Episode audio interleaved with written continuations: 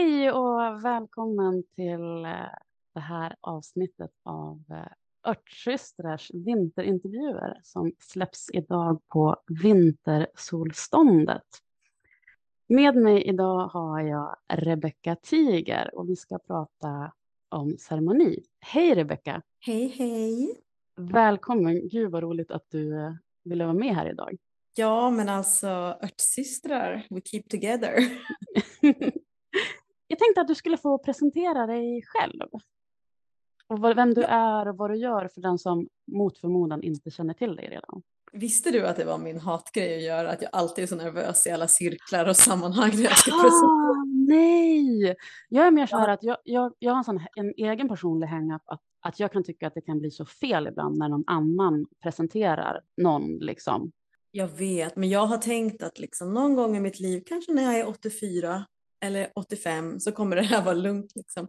Nej men vet du varför det är så för mig? Det är för att jag har ju alltid gjort så himla mycket olika saker i mitt liv. Eh, så att jag tänker så här, i det här sammanhanget, i den här, eh, i den här podcasten så skulle jag vilja presentera mig som att jag är eh, naturprästinna som jobbar i nordisk tradition och keltisk tradition, framförallt med, med gudinnan och Moder Jord. Men jag är också en eh, liksom ganska fanatisk eh, folkbildare inom ehm, örthälsa och framförallt liksom livmodern, underlivet, fittan och så vidare.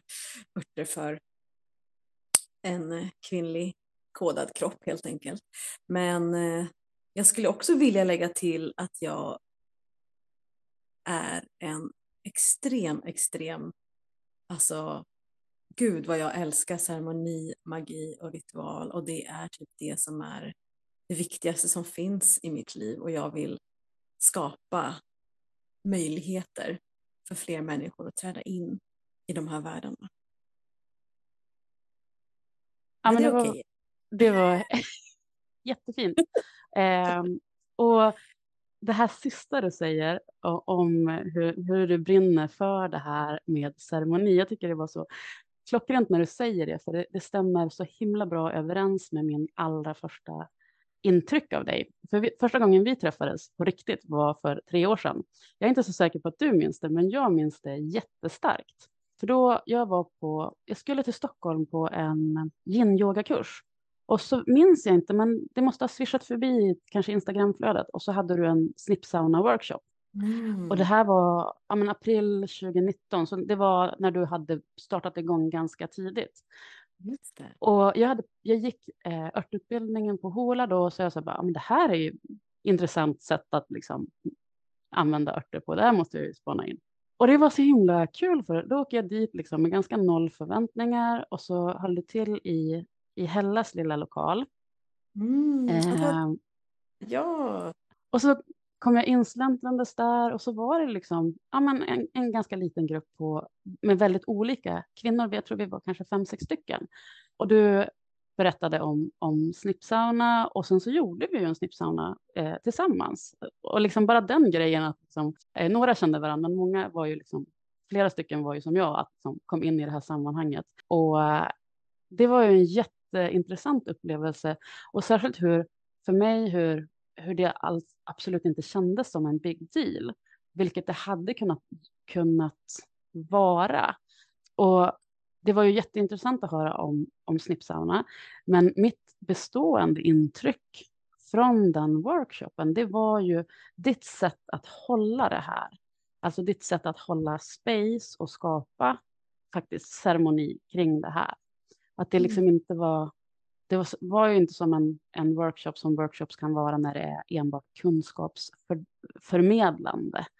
Mm. Utan ja, för mig så var det liksom bara så, så himla häftigt. Mm. Oh, vad fint att höra. Tack.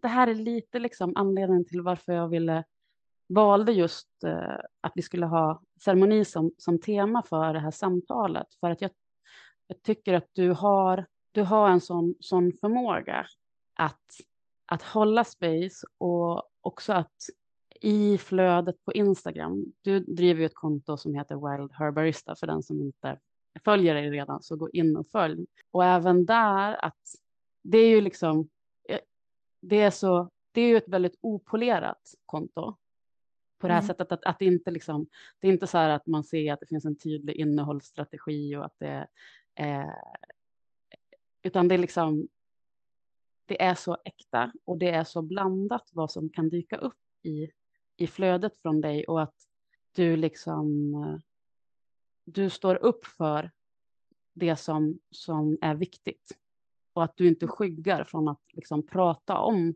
saker som är viktiga när, när många av oss kanske bara skyggar och slår på skygglapparna. Liksom. Mm.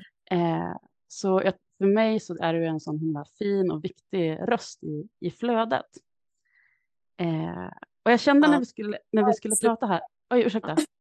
Nej, du får aldrig sluta prata tänker jag. Det här är så balsam för mig att höra dina orden. I will sit here for ten more minutes while you just talk about me. jo, men också inför det här samtalet så kände jag att vi, om jag ska, ska ha, ha en vinterintervju med dig så måste vi ha ett specifikt eh, tema att prata kring, för annars, annars kommer det liksom bli jättespretigt och pågå i, i eh, timmar.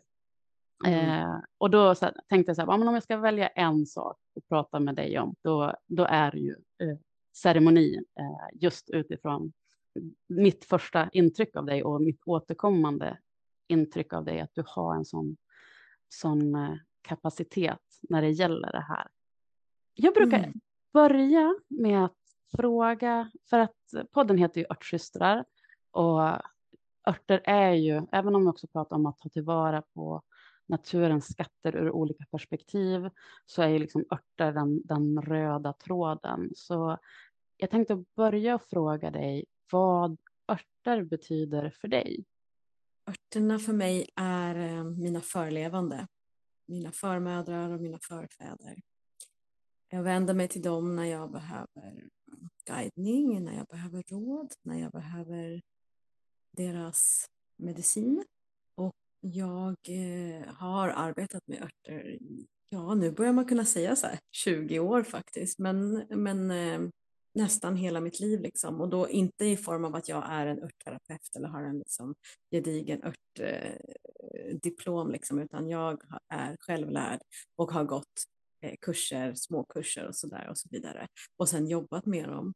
Eh, genom att jag liksom både tar in dem i att jag typ jag är sjuk eller mina barn är sjuk eller någon annan är sjuk och så jobbar vi med örter för läkning jag har den fysiska kroppen.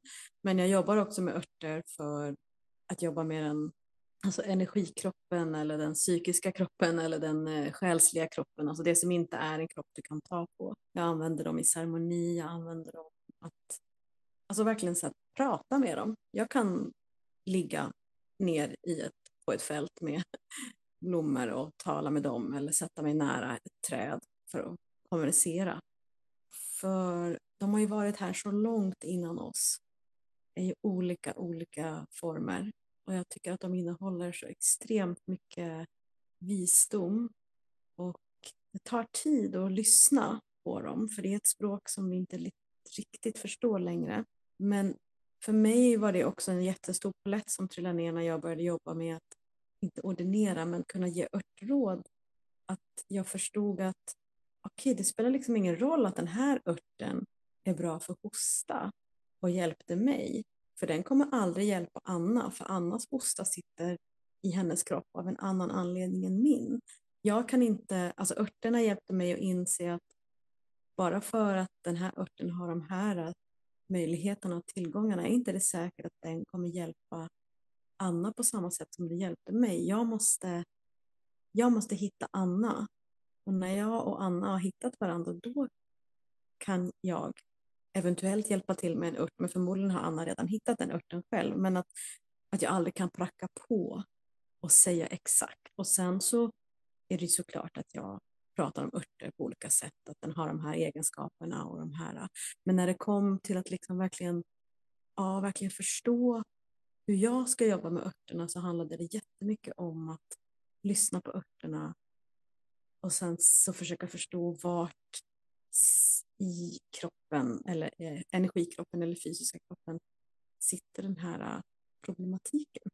och vad behöver jag? Jag kanske måste ge en ört för att lösa slem, men jag måste ge en annan ört för att skapa eh, en hållande kraft så att den här eh, kroppen kan hålla den andra örten när den jobbar och så vidare. och så vidare. Så för mig har det varit ett uråldrigt språk som jag absolut inte kan eh, liksom, eh, speciellt mycket om, men lite, lite grann. Så ser jag på örter. Åh, så fint. Tack för att du berättar. Mm. Och det där tycker jag är så genomgående att ju mer vi lär oss om örter, desto ödmjukare blir vi mm. för allt det som vi inte, inte förstår och inte vet. Mm. Men lite risken när man säger det är ju för en, en, någon som inte kan någonting alls, att det liksom blir ännu komplexare och liksom känns som oövervinnligt att, att komma igång. Men det är det som är så fint med det som du ger uttryck för, att, att vi behöver inte gå långa komplicerade kurser och utbildningar, utan bästa sättet att lära oss är att komma igång och använda dem och att, att lyssna på dem. Mm.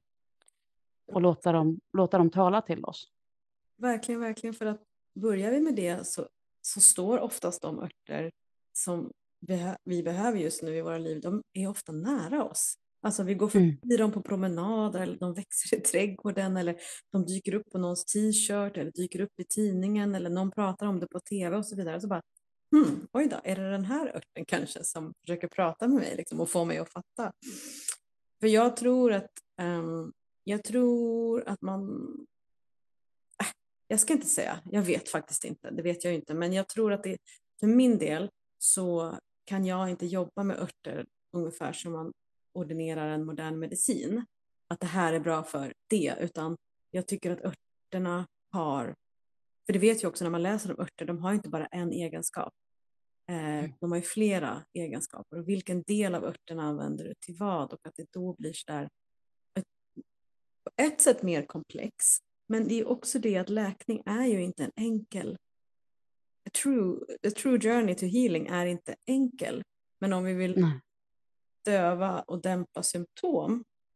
Och det kan man behöva göra. Alltså jag är verkligen så här 100% inte emot modern eh, läkarvård, utan jag, jag tar det om jag behöver och så. Men det är sällan jag behöver det. Alltså, om jag har ont i huvudet så är det av en anledning. Och jag kan välja om jag nu ska göra någonting som tar längre tid eller om jag faktiskt behöver ta en Alvedon för nu måste jag, jag ska föreläsning. Alltså vad ska jag göra? jag äger mm. valet liksom hela tiden och jag tycker inte att man ska lägga någon värdering i. Det kan också finnas en schism i örtvärlden att säga, åh nej, men den här, det där är liksom hemskt. Och jag tycker att det finns jättemycket eh, som inte är okej okay med modern, eh, moderna mediciner och så vidare. Men jag behöver inte berätta för folk som tar det att de gör något dumt eller något konstigt. Liksom. Jag, jag vet ingenting om deras historia eller bakgrund. Så att jag tänker liksom att Visst, det är mer komplext, men om de verkligen har börjat tona in på örterna så kommer de också förstå eh, varför det är så viktigt. Att man inte bara kan lägga lite läkemalva i ett glas och dricka och så blir allt bra. Mm. Eh, det kan det bli på ett visst sätt, ja. Eh, men det är lite mer än att bara inta det. Liksom. Och jag tror att det är en bortglömt, tyvärr sätt att jobba med att bli frisk från saker och ting. Att det får ta tid och att vi pratar i moderna ord, det är så här ändra kosten, stressa mindre, sova mer, eh, stänga av tvn efter klockan det, eh, gå till psykologen. Alltså det är moderna språk för att läkning tar längre tid. Vilket säkert är jättebra råd, men örterna berättade där för oss redan genom att de bara existerar. Precis, och alla de där sakerna som du nämner, det här moderna språket för liksom hälsa och välmående, vi kan ju alla dem på, mm. på våran... Alltså, alla vet det och ändå är det så himla svårt. Och det sjuka är ju att många gånger så de grejerna vi behöver för att må riktigt bra, de är ju enkla och gratis. Alltså, nummer ett är ju vila och återhämtning. Den kostar ingenting, men ändå är den så, så himla svår. Mm. Och det som jag tycker, min upplevelse av att gå in i örternas värld och lära mig mer och mer är just det här att ja, örterna kan hjälpa oss, men att det hela tiden är så många fler liksom, pusselbitar som måste falla på plats, att vi kan ge örterna en hävstångseffekt genom att också våga se över våra liv, våra relationer mm. eh, och se liksom vad som egentligen ligger bakom de, de problem som vi har. För de är ju sällan helt och hållet fysiska. Men temat för idag är ju ceremoni, vilket jag tycker är passande eftersom det här avsnittet sänds på vintersolståndet. Yes. Och det var ju förr en väldigt viktig högtid på året. Men jag tänker om vi bara först börjar med själva begreppet ceremoni för den som är helt ny för, för din värld mm. och det här med ceremoni. Vill du berätta lite vad du lägger in i begreppet ceremoni? Mm. Absolut. Och vad det är, har varit historiskt. Ja, ta, ta det och berätta det du, det du vill om det. Um, ja men absolut. Uh, jag tänker att uh, vi i ett modernt samhälle lever ganska ceremonilöst. Det vill säga att alltså, kyrkan och staten har ju länge haft patent på liksom, olika ceremonier och ritualer som har blivit väldigt in the mind. Alltså det är inte mycket kropp kvar eh, om man kanske inte, alltså om man tänker kyrkan och staten. Frikyrkan har ju mycket mer kropp kanske dans och rörelse i sina ceremonier och gudstjänster och så. Men att, att det här liksom den protestantiska, lutheranska eh, sättet att hålla en gudstjänst är att liksom en person talar. Prästen talar till församlingen och sen så lyssnar man liksom. Och, och det är jättefint själavård liksom att ta hand om sin församling och liksom jobba på det sättet. Och likadant med eh, eh, ett dop eller en, eh, ett bröllop. Men det är väldigt liksom mycket ord och det är väldigt talat. Och likadant om man går in och tänker att det är mera statligt, liksom att det finns liksom en, vi firar när någon har jobbat 50 år i tjänst, alltså statliga verk, eller vi firar en eh, borgerligt bröllop. Liksom det, vi gör ju de här ritualerna och liksom, vi, har, vi har olika ritualer som vi inte tänker på heller. Alltså, svenskar är ju mästare på att dyrka naturen. Alltså, så här, vad säger att promenader med hundar, bada i vattnet, simma i vattnet, eh, fjällvandra, vara i naturen och liksom det här att man mår bra av att vara i, i naturen. Eh, men det är ganska mycket förknippat till liksom gear sport, liksom vandring, att hajkar och att man har rätt grejer och sådär. Mm. Men vi, vad vi gör är att vi genomför hela tiden olika. Det är en ritual att duscha. Eh, det är en ritual att äta mat också. Eh, så att vi gör ju många saker som kan vara rituella eller ceremoniella. Bara för att liksom lite grann ge en bakgrund till hur jag tänker att så här, eftersom jag tycker att kroppen är saknad. Jag vill att mm. hela liksom, människan ska vara med i ceremoni på något sätt. Och då behöver man kanske gå lite utanför normen av vad som har skapats tidigare. Man behöver vara too much, behöver vara mycket mer på det här som liksom är, anses som, nej men det där är inte okej, okay. alltså det behöver vara sexuell energi, det behöver vara sensuell energi, det behöver vara drömtid, alltså total tystnad länge, det behöver vara eh, skrik och skratt och rop och det behöver vara både dans men också total stillhet. Alltså vi behöver jobba mer med kroppen för att också så här, en ceremoni kan ju också liksom förknippas med att man når till någonting som kallas för liminalt, liminalt tillstånd. Och det är ju så här att man börjar toucha in på det undermedvetna. Man börjar toucha in på saker som faktiskt har lagrats i kroppen som vi inte har tänkt på för, eh, väldigt länge. Vi börjar också kunna toucha in på att vi är en del av naturen, det vill säga många hedningar, alltså pagans, tror ju på att liksom, att naturen är besjälad, att animistiskt sätt att se på världen. Och vi börjar genom ceremoni också kunna se den här förbindelsen vi har med naturen, att vi är inte separerade, eh, vilket i sin tur då också alltså skapar ett samband med Moder Jord, eh, vilket också är någonting som människan saknar idag, att vi faktiskt tillhör henne. Så jag tror att många människor känner sig lite tomma och det gör vi väl av olika anledningar, men att, att få ha fler ceremonier som inte innehåller liksom supa på jul, supa på midsommar, typ tvinga barn att dansa små grodorna fast ingen riktigt vet vad det är för ursprung längre på vare sig midsommarstången eller den där dansen. Mm. Eh, bland annat det här med små grodor, att, liksom att, att försätta sig i ett tillstånd att skifta hamn, att bli ett djur, det, det är som jätteceremoniellt. Men den sången har blivit små grodorna är lustiga att se, ej öron, ej öron, mm. svansar har varit det och så härmar man grodorna. Men att det faktiskt egentligen är en väldigt stark kraft att kunna skifta hamn som, som man använder inom många eh, kulturer som har kvar eh, ett schamanskt sätt att arbeta. Så det är ju på ett, liksom, både ett globalt kollektivt sätt intressant att ta tillbaka ceremoni och sen är det jätteintressant för den, den egna personen att konstant bli mer cyklisk, det vill säga att följa naturen, att följa naturens årstidsväxlingar, att fira, gå in i de olika högtiderna, det vill säga högtider kan, behöver man inte ens säga, det, det är ett ord som jag sa nu, men bara att, att naturen skiftar är en jättefin ceremoni att fira. Men man kan också fira ceremonier som att här, bli förälder, tonårsförälder, eh, man kan fira alltså, klassiska bröllop, namngivning, men också att någon så kallad liksom crossover, alltså lämna det här jordelivet och gå till nästa, fira en, alltså en ceremoniell separation och så vidare och så vidare. Det handlar ju om, egentligen så finns det typ inga riktiga så här, det här måste vi göra ceremoni för, utan man kan skapa en ceremoni för nästan, nästan, nästan vad som helst.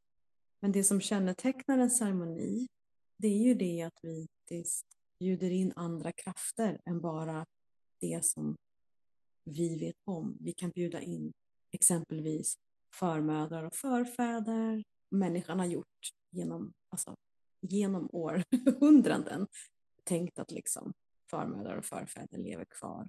Vi kan bjuda in eh, träden, stenar, vi kan bjuda in eh, jorden, vi kan bjuda in de fyra elementen, jord, luft, eld, vatten. Vi kan bjuda in den här platsen som vi jobbar på, dess rådare och väktare. Vi kan bjuda in våra egna liksom guider, vad man nu kallar dem i sitt eget liv. Vi kan bjuda in en viss gudom, en gudinna eller gud.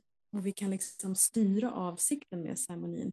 Och sen i ceremonin så jobbar man ju på olika sätt. Att bygga energi, ta sig till olika platser och på något sätt toucha in på, ja, jag skulle vilja enkelt säga säga en annan verklighet, liksom, en parallell verklighet som är också själva ordet för häxa som är liksom, betyder tunriderska eller staketridare, alltså någon som har en fot i ena världen och en fot i den andra.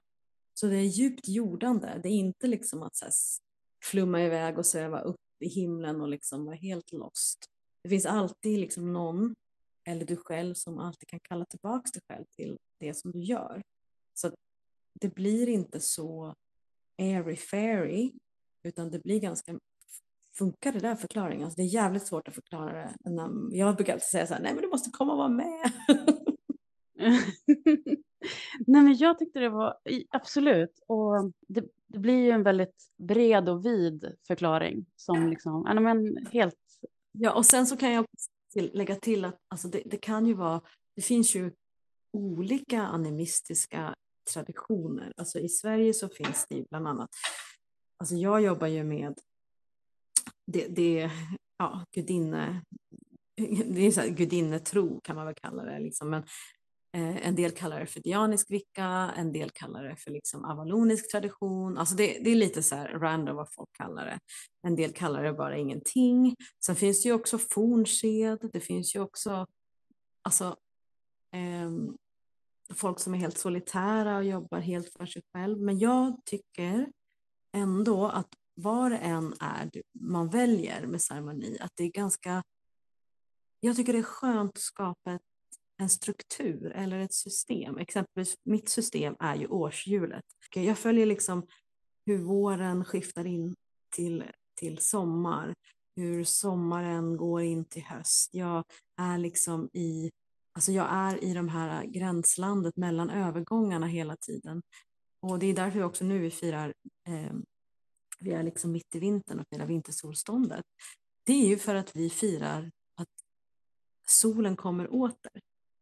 Alltså ljuset är på väg tillbaka. Mitt i det mörkaste av tiden så firar vi nu att ljuset kommer åter. Och det, ska, det hjälper oss ju dels som moderna människor att så här, ah, just det, nu är det inte så lång tid kvar innan ljuset börjar återvända. Varje dag från nu blir det lite, lite ljusare. Och på samma sätt när vi firar sommarsolståndet, mitt i ljusaste tiden, så påminner vi oss om att mörkret är på väg tillbaks. Så att allting har sin tid, allting har sin plats. Så vi inte blir hela tiden kanske tagna by surprise. Använd mörkret nu, snart, snart, snart, alltså speciellt örtmänniskor, hallå, fan vad ni ska börja odla och hålla på redan i februari. Det är ju bara om en månad typ. Alltså så här, Precis. njut av mörkret, in i drömtiden, in i er själva. Gör som Moder Jord och gör ingenting utan bara var och förvalta er själva, era egna idéer. Det är klart att ni förmodligen måste gå till era jobb och göra era grejer. Vi lever ju i den verkligheten. Men alltså planera inte massa stort, gör inte massa så här crazy stuff här, utan bara så här gå in, eh, gå in i den här tiden. Och då säger jag gå in i den här tiden och i ett långt årshjul, om man följer det, då vet vi ju att efter drömtiden kommer uppvaknandet. Och sen ska vi ut i full expansion under sommartiden och sommarmånaderna för att sen återigen i september börja förbereda oss för att gå tillbaka till mörkret, till underjorden för att återigen hämta kraften inför nästa år. Att allting är ju cykliskt av en anledning. Och det, jag tänker att det finns så mycket tröst att hämta i det där. I vårt moderna samhälle så har vi ju hela tiden en, en linjär planering. Att mm vi, det finns ju aldrig någon vila. Vi, vi tror ju att vi har semester, men det har vi ju aldrig för att även semestern Eh, och julledigheten fylls ju av förväntningar, aktiviteter, prestationer. Och så sen är det några korta mellandagar och sen är det nyår med, som plötsligt är en gigantisk grej. Och sen efter tolvslaget då ska alla helt plötsligt förändra sig och bli bättre människor när man egentligen skulle behöva bara släppa och vara, precis som du säger, i drömtiden och i sig själv och liksom ge sig själv några veckor till innan man börjar mm. med att liksom expandera igen och sätta nya, nya planer. Ja, och jag menar media har ju också eh, tagit liksom patent på att berätta att alla går upp i vikt under julen och eh, alla är så fattiga runt jul och nyår. Åh, det är så fattigt och eh, ah. så feta. Man bara, gud vad ro, vilket roligt narrativ.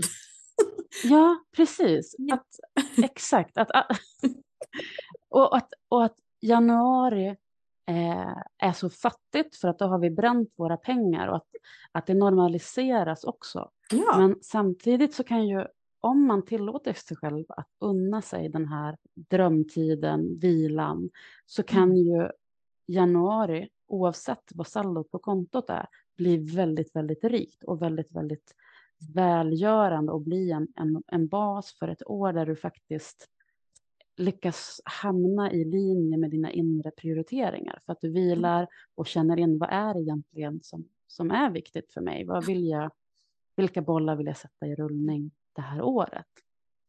Ja, jag brukar förklara den här tiden eh, att vi är i mellan inandning och utandning. Ah. Precis, det, det finns ju ett ögonblick där vi andas in och sen andas vi ut. Men vi är precis där. And just, och om man går tillbaks liksom till vår skapelsemyt i nordisk mytologi så eh, i Ginnungagap så skapas liksom Audhumla ur älgkon eller renkon slickar fram världen ur ingenting. Eh, och det är liksom eld och is som kämpar där, två polariteter och i det så finns det ingenting. Och jag brukar tänka att vi ska bara vara där i ingentinget.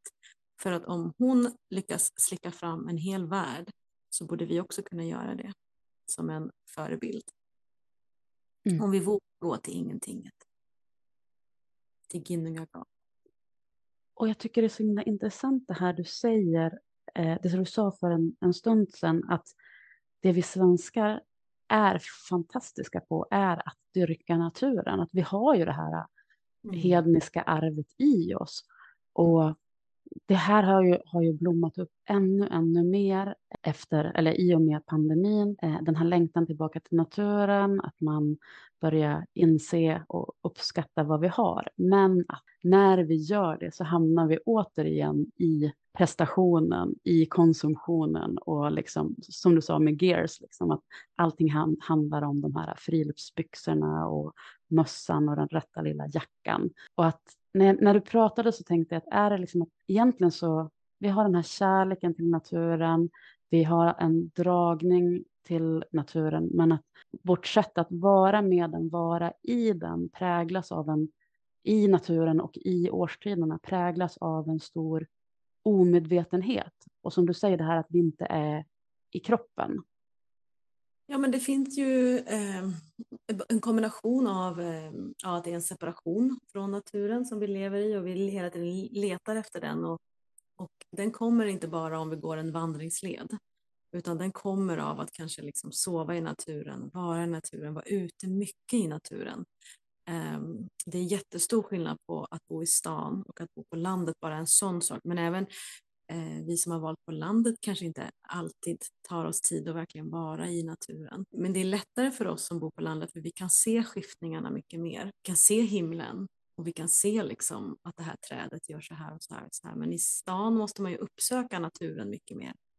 Men den finns ju där, men vi behöver uppsöka den. Så jag tror att det också finns, det är en kombination av att det är svårt för många och sen är det en kombination av att väldigt många år av att mörklägga och backstabba skogen som en farlig plats mm. har lyckats. Genom folktro och genom att liksom eh, ja, att det, eh, vi kan inte överleva i skogen eh, väldigt länge om vi går vilse, vilket i och för sig är sant. Det är, inte så, det är inte sant, men det är väldigt mycket skrämsel kring skogen.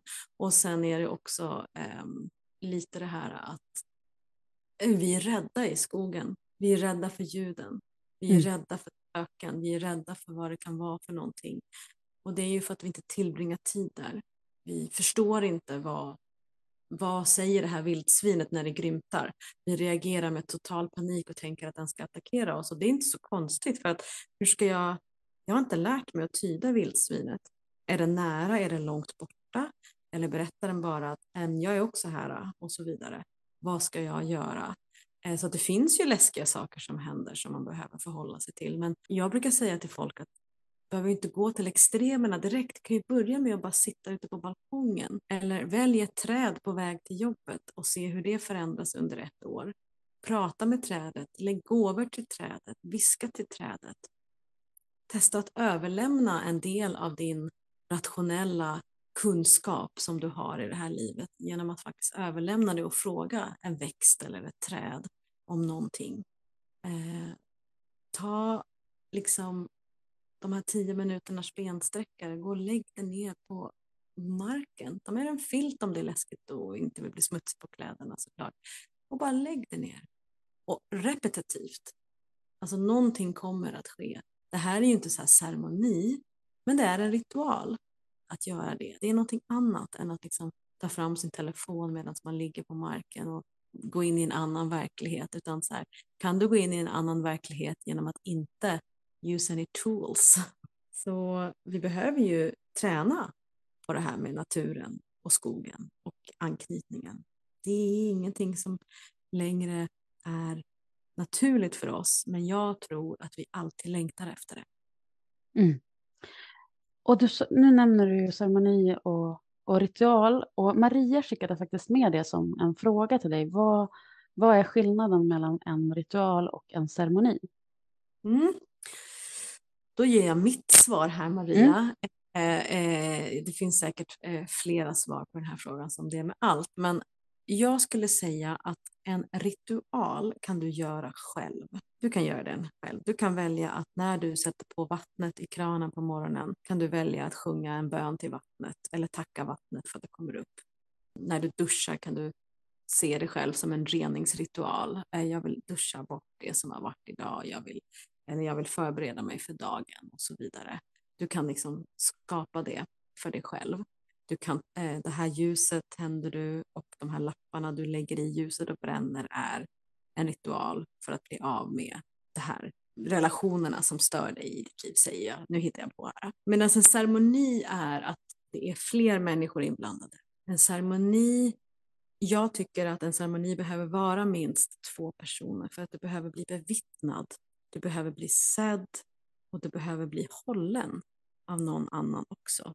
Jag tycker också att i en ceremoni vill vi kanske verkligen också ta oss till det liminalt space, det vill säga vi vill skifta verklighet och då kan vi behöva flera trummor eller flera sånger eller flera kroppar som rör sig för att hjälpa en att liksom verkligen ta sig ur sin comfort zone och ta sig förbi hjärnans eh, vilja att bara säga what the fuck is going on? Det här är sjukt i huvudet. Och liksom tillåta att det är fler människor som hjälper en att i princip tippa lite över kanten in i det okända, in i Noners väv så att säga.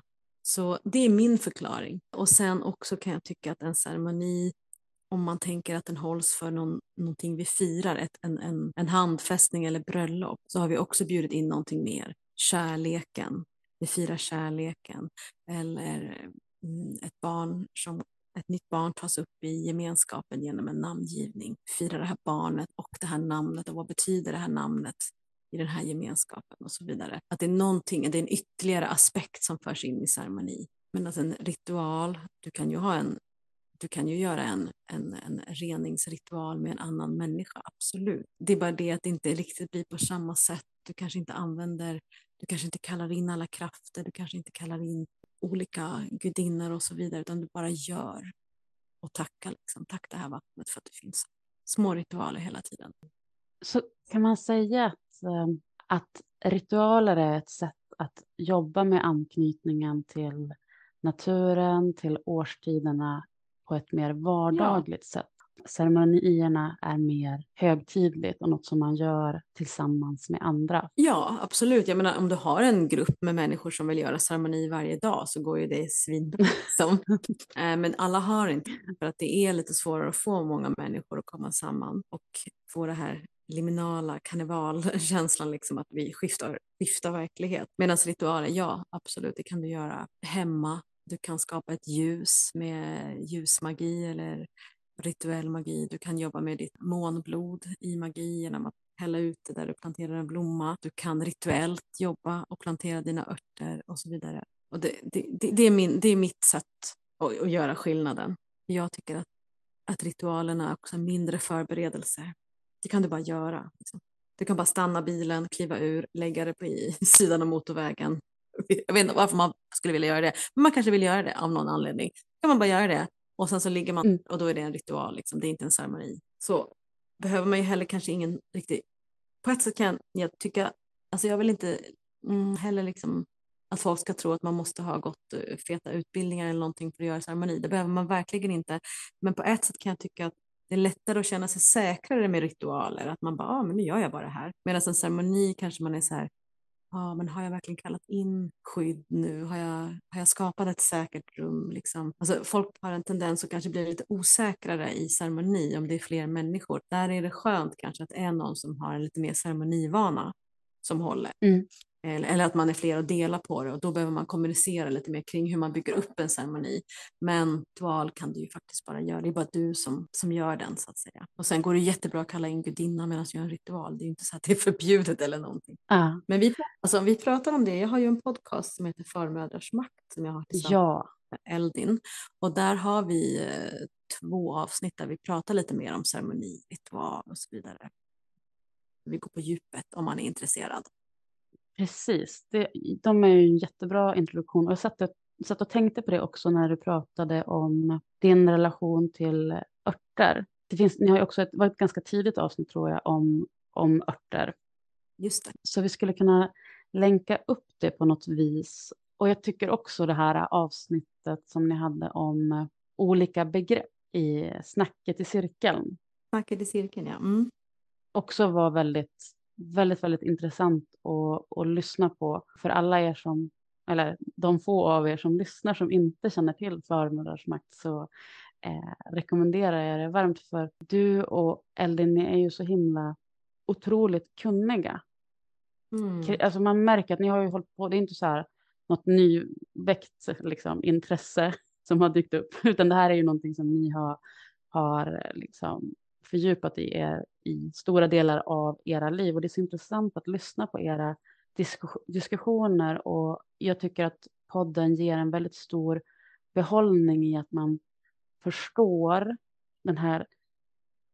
För om man pratar om, om, om magi och årshjul så kan man ju väldigt lätt bli förvirrad väldigt snabbt för att olika personer tolkar det på olika sätt och det finns olika inriktningar. Mm. Vilket ni har liksom hjälper till att och, och reda ut på ett sätt som också är väldigt öppet och inkluderande.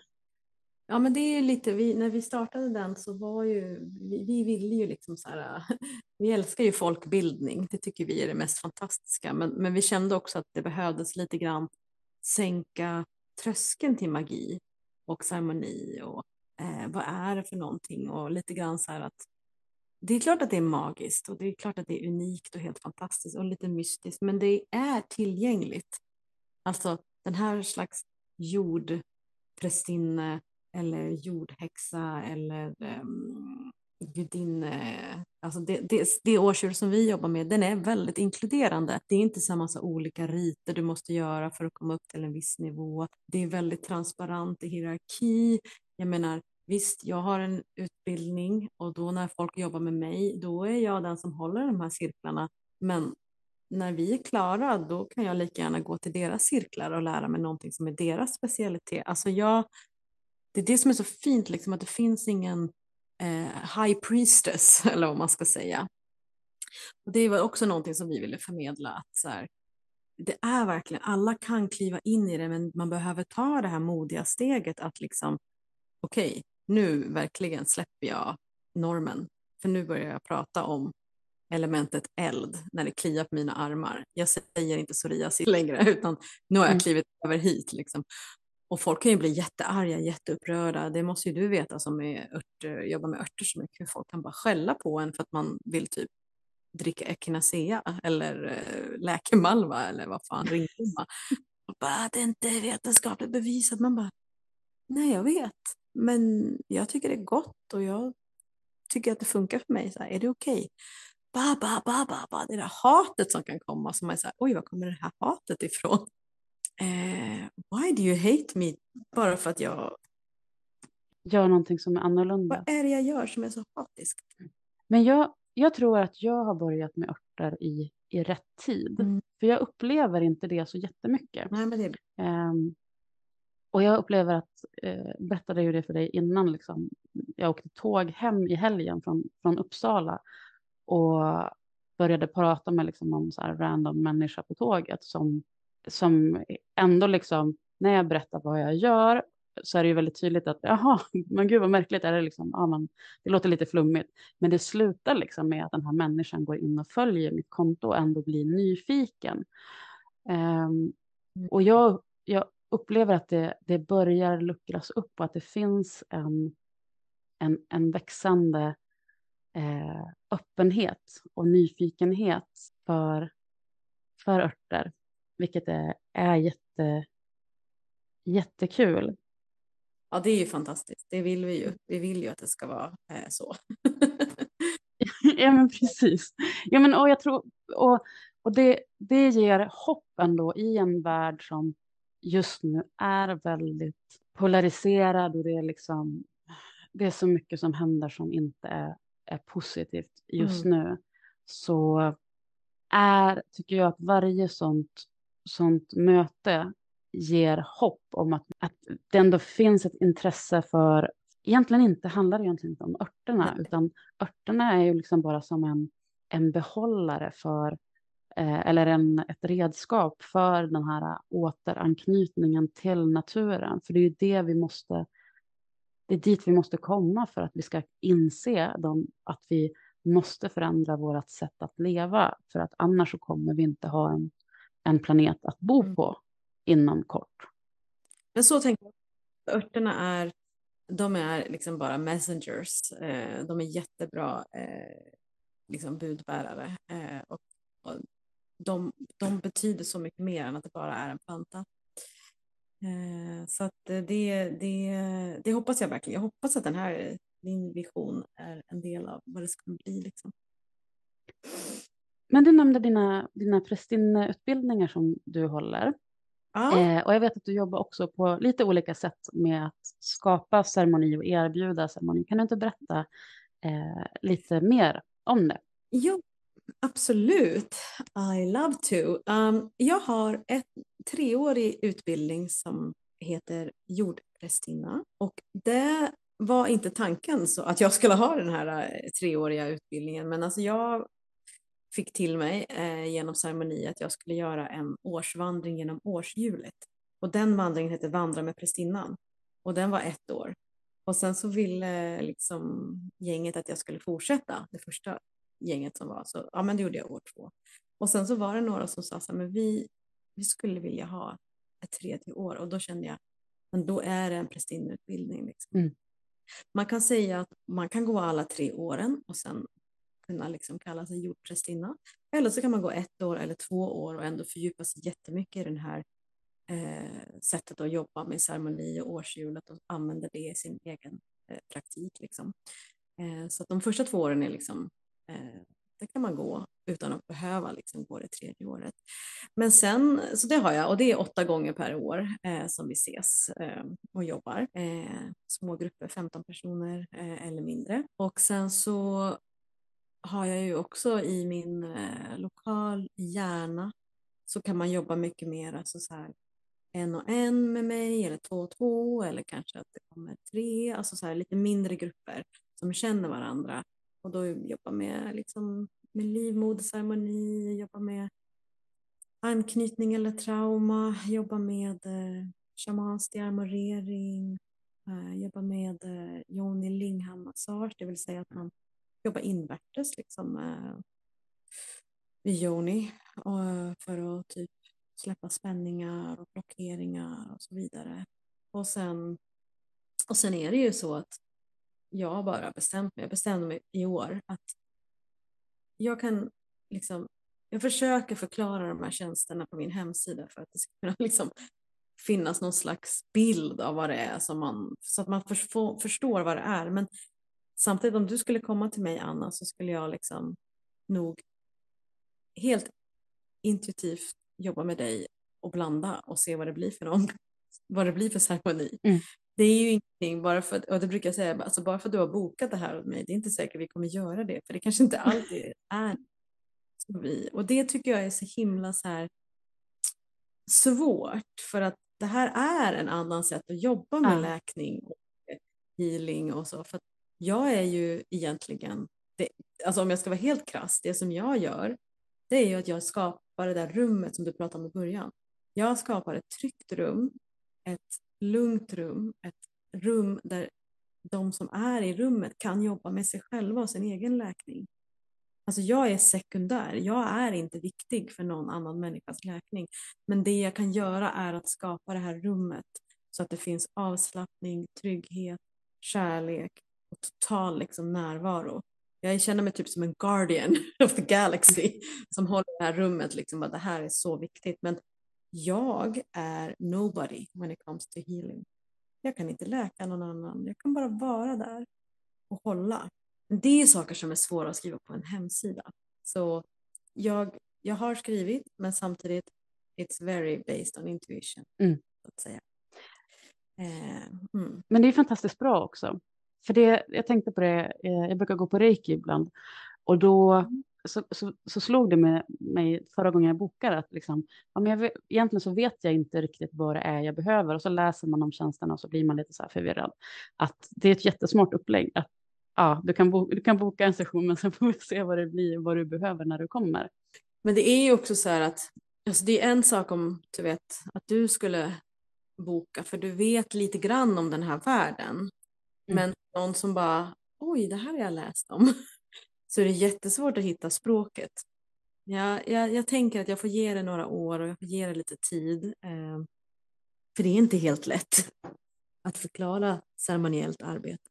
Därför jag gillar, jag gillar de här längre, alltså jag gillar att hålla retreats, det gör jag också, jag håller mycket olika retreats, några dagar, man kan fördjupa sig. Jag tycker om de här årsvandringarna där det är längre processer, för att det Ja, men jag är ju, jag är liksom, mitt soltecken är oxe. Jag är liksom steady working little by little liksom. Och sen har jag min måne i skorpion som gör mig helt psykbrytaktig emellanåt och sen så har jag en ascendent i våg som bara it's all gonna be fine eventually. Så jag är ju lite eh, är lite manisk emellanåt men samtidigt så är det här långsamma lilla, alltså det är långsamt att det är årshjul, att det tar tid. Liksom, att vi inte så hetsar någonting, det älskar jag. Mm. Men kan du inte också berätta om din bonkanal? För visst är det så att du har Ja. Att där kan man dels gå in och eh, lära sig mer om, om snippsauna, men också att du har full, fullmåne och nymåneceremonier där, eller hur? Precis, jag har, eh, ja men det är en Boon-kanal som heter uh, Boon TV slash Wild. Där har jag väldigt många olika webbinarier om snippsauna, alltså snippsauna vid endometrios, snippsauna vid svarta, vid obalanser i underlivet, inför graviditet, efter abort och så vidare. Lite mer specifika saker. Och sen har jag ett om örter, eh, eh, vilka ört, hur gör man egna örtblandningar för snippsauna. Men sen har jag också så här, ja men jag har ett jättefint om flugsvamp, jag har om nordiska gudinnor och sen de här eh, nymåne och fullmåneceremonierna som kommer två gånger i månaden. Och där är det olika, man kan ju bara gå in och köpa ett webbinarium eller så kan man typ vara stödmedlem för 150 kronor i månaden. Vilket är också lite så här, om folk gillar mitt jobb på Instagram har jag sagt, men då kan ni, om ni vill stödja mig så kan ni köpa mina produkter i min webbshop eller så kan ni liksom bara vara stödmedlem. Så, så, så här, det, det, var bara en grej som jag fick från Instagram att folk sa, men hur kan jag stödja dig på Instagram? Jag bara, nej men jag, jag vill inte ha reklam, jag vill inte ha någonting sånt. Så, här. så det finns. Och sen kan man vara medlem för 400 spänn och då får man allt liksom mm. en hel månad om man binge-kolla. För jag var inne och kollade också, för i det här 150, det lilla liksom stödmedlemskapet, där får man ju tillgång till, eller hur, de här fullmåne och nymåneceremonierna. Eller har jag missuppfattat? Nej, mm. det var helt, det var helt uppfattat. så jag tänker utifrån det vi har pratat om idag och det här att ja, men, vi kan jobba själva i det vardagliga med ritualer, men att eh, i ceremonier så behöver man vara, vara fler och att för den som är intresserad av det här, som vill komma igång, om man är ensam och liksom solitär och har det här intresset så kan det vara svårt att hitta ett, ett sammanhang. Och där tycker jag att den möjligheten i Bonkanalen att, att eh, kunna koppla upp sig och använda faktiskt den här digitala världen till, till att förenkla steget in ja. i, i magin, att det, det är en så himla bra instegsmöjlighet som du erbjuder där. Yes, nej men verkligen. Alltså det, jag tycker faktiskt att i början så var ju nästan alla som jobbade ceremoniellt skeptiska till online, men gud vad det har funkat bra. Ja. Det har funkat så bra, mycket bättre än vi alla någonsin kunde tro. Ja, eh, mm. ja och jag, jag håller med, för jag var ju också jätte, jättenegativ till att jobba digitalt eh, med örtkurser till att liksom nu har mm. insett att det blir, det blir så himla mycket bättre och även för den som, den som lär sig att på den här Boon-kanalen. Man kan också, man behöver alltid registrera sig och då måste man registrera sig liksom med kort och allting, men det är ingenting som dras. För det finns också ganska mycket gratis material som jag har lagt ut också. Ja, och det kan ju också vara, vara skönt att gå in och kolla lite och liksom lära känna dig och ditt sätt att, ja. att, eh, att lära ut och vara. Ja, men lite så, eller hur? Men sen så är det också så här att om man är man sugen på årshjulet så brukar jag släppa platserna i maj och juni och sen så tänker jag också så här om man vill jobba lite mer så här fyra, fem dagar retreataktigt och också gå in i den här lite mer lyxiga känslan av retreat, att man bor på ett fint ställe, käkar käka god mat, bli omhändertagen så kommer sådana saker också. Liksom. Mm. Det, det är nog så jag kommer men, jobba. Men du släpper, du släpper på, det är på Instagram som är din primära kanal. Du har inget nyhetsbrev eller så? Jag har nyhetsbrev också. Eh, du har nyhetsbrev? Ja, det har jag. Den kan man signa upp på via hemsidorna eller via Instagram. Jo, men den finns ifall jag, eh, de tar bort mig från Instagram. Man vet ju aldrig. Nej, nej men precis, exakt. Mm. Det börjar bli dags att runda av, men jag skulle bara vilja ställa en snabb, snabb fråga. Um, och det är, um, det är ju ändå vintersolstånd idag, så jag är nyfiken på hur firar du vintersolståndet? Mm. Jag firar, eh, alltså jag kommer ju ha en kurshelg där jag kommer jobba med kursarna liksom och då kommer jag gå in i ceremoni med de två, två dagar liksom. Eh, och jag kan ju liksom, jag vill inte avslöja för mycket vad vi gör men, men det är väldigt ceremoniellt, alltså långa ceremonier. Eh, I år kommer vi faktiskt jobba med en riktigt lång eh, ceremoni baserad på de nio örters skalder. Så ah. väldigt lång, lång eh, resa in till Ginnungagap. Men jag själv gör kanske med, min, ja, med något litet coven som jag är med i. Eh, jag brukar dra en årsruna eh, för att se vad som komma skall inför året. Och sen så brukar jag eh, tända eld och så firar jag helt enkelt. Eh, alltså jag, jag, på, på ett sätt känns det som att jag firar både mörkret och ljusets återkomst genom att jag liksom så här, berättar om min längtan eh, inför det nya året men att jag nu verkligen lovar heligt och dyrt att jag ska tillbringa tiden med att inte göra. Och jag har ju gått så långt att jag, eh, jag jobbar väldigt lite i januari. Alltså det är, min, det är typ min vilomånad. Ah. Jag gör bara det som jag verkligen behöver göra och så gör jag andra saker för att kunna få tid att gå in i mig själv och verkligen lyssna på min själs sång. För den, den tystas lätt ner i bruset av det som är samhället och livet. Så när jag har dragit den där liksom runan funderar jag ju på året som kommer skall. Liksom. Och sen kanske jag, um, alltså det är lite utesitta för mig att jag sitter ute länge, många timmar vid elden um, med vänner eller så. Det brukar vara lite drop in, drop out också. Så, så stilla, stilla, stilla liksom. Och sen brukar jag dra en till runa vid uh, midsommar, sommarsolståndet, en halvårsruna för att bara checka in och se vad är det nu som jag behöver titta på för att liksom, komma djupare in i min årsruna. Mm. Och då blir det ofta att jag har som ett ord, det blir som att den där runan jag drar blir mitt ord för året. Så att jag har haft de sen, men, alltså några ord som jag har haft de senaste åren är ett ord har jag bara jobbat med förlåtelse, ett ord har jag bara jobbat med närvaro, ett år har jag bara jobbat med intimitet, ett år har jag bara jobbat med eh, guld. Ett år har jag bara jobbat med njutning. Och nu senaste året, det här året nu som har varit 2022, har jag jobbat med djup. Ah. Och då gör jag det genom hela året. Försöker liksom, vad innebär ordet djup för, för mig? Vad är det som är djup? Alltså, vad ska jag göra? Ska jag gå inåt eller ska jag jobba utåt? Eller ska jag liksom lära mig någonting nytt? Vad är det för något? Så det är ett superspännande sätt att liksom ta sig an året. Vad fint. Tack för att du berättar mm. om hur, hur du gör. Mm. Um, vi brukar ju alltid avsluta avsnitten, eh, Örtsystrar-avsnitten med ett konkret tips till lyssnarna. Mm. Så jag tänkte höra om du ville ge ett konkret tips idag. Gällande liksom den här dagen? Ja, du kan få, Eller, oh, ja, mm. ja, du kan få välja helt fritt vad du, ja. vad du känner att du vill ge för tips till våra lyssnare. Yes.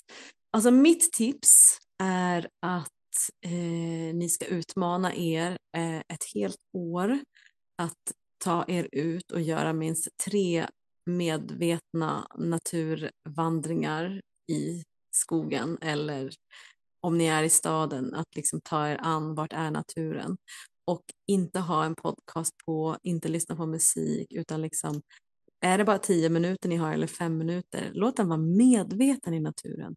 Hur doftar det här bladet? Hur doftar flera löv? Vad, vad, vad hör jag om jag lägger örat mot den här stammen? Vilka fåglar låter det här? Brukar jag se den här äh, korpen ofta? Alltså medveten vandring i att lägga märke till tecknen som blir ett helt år. Men en gång är för lite i veckan så I challenge you tre gånger. Och det behöver inte vara långa promenader. Som jag sa, det kan räcka med 10-5 minuter. Men att den är medveten.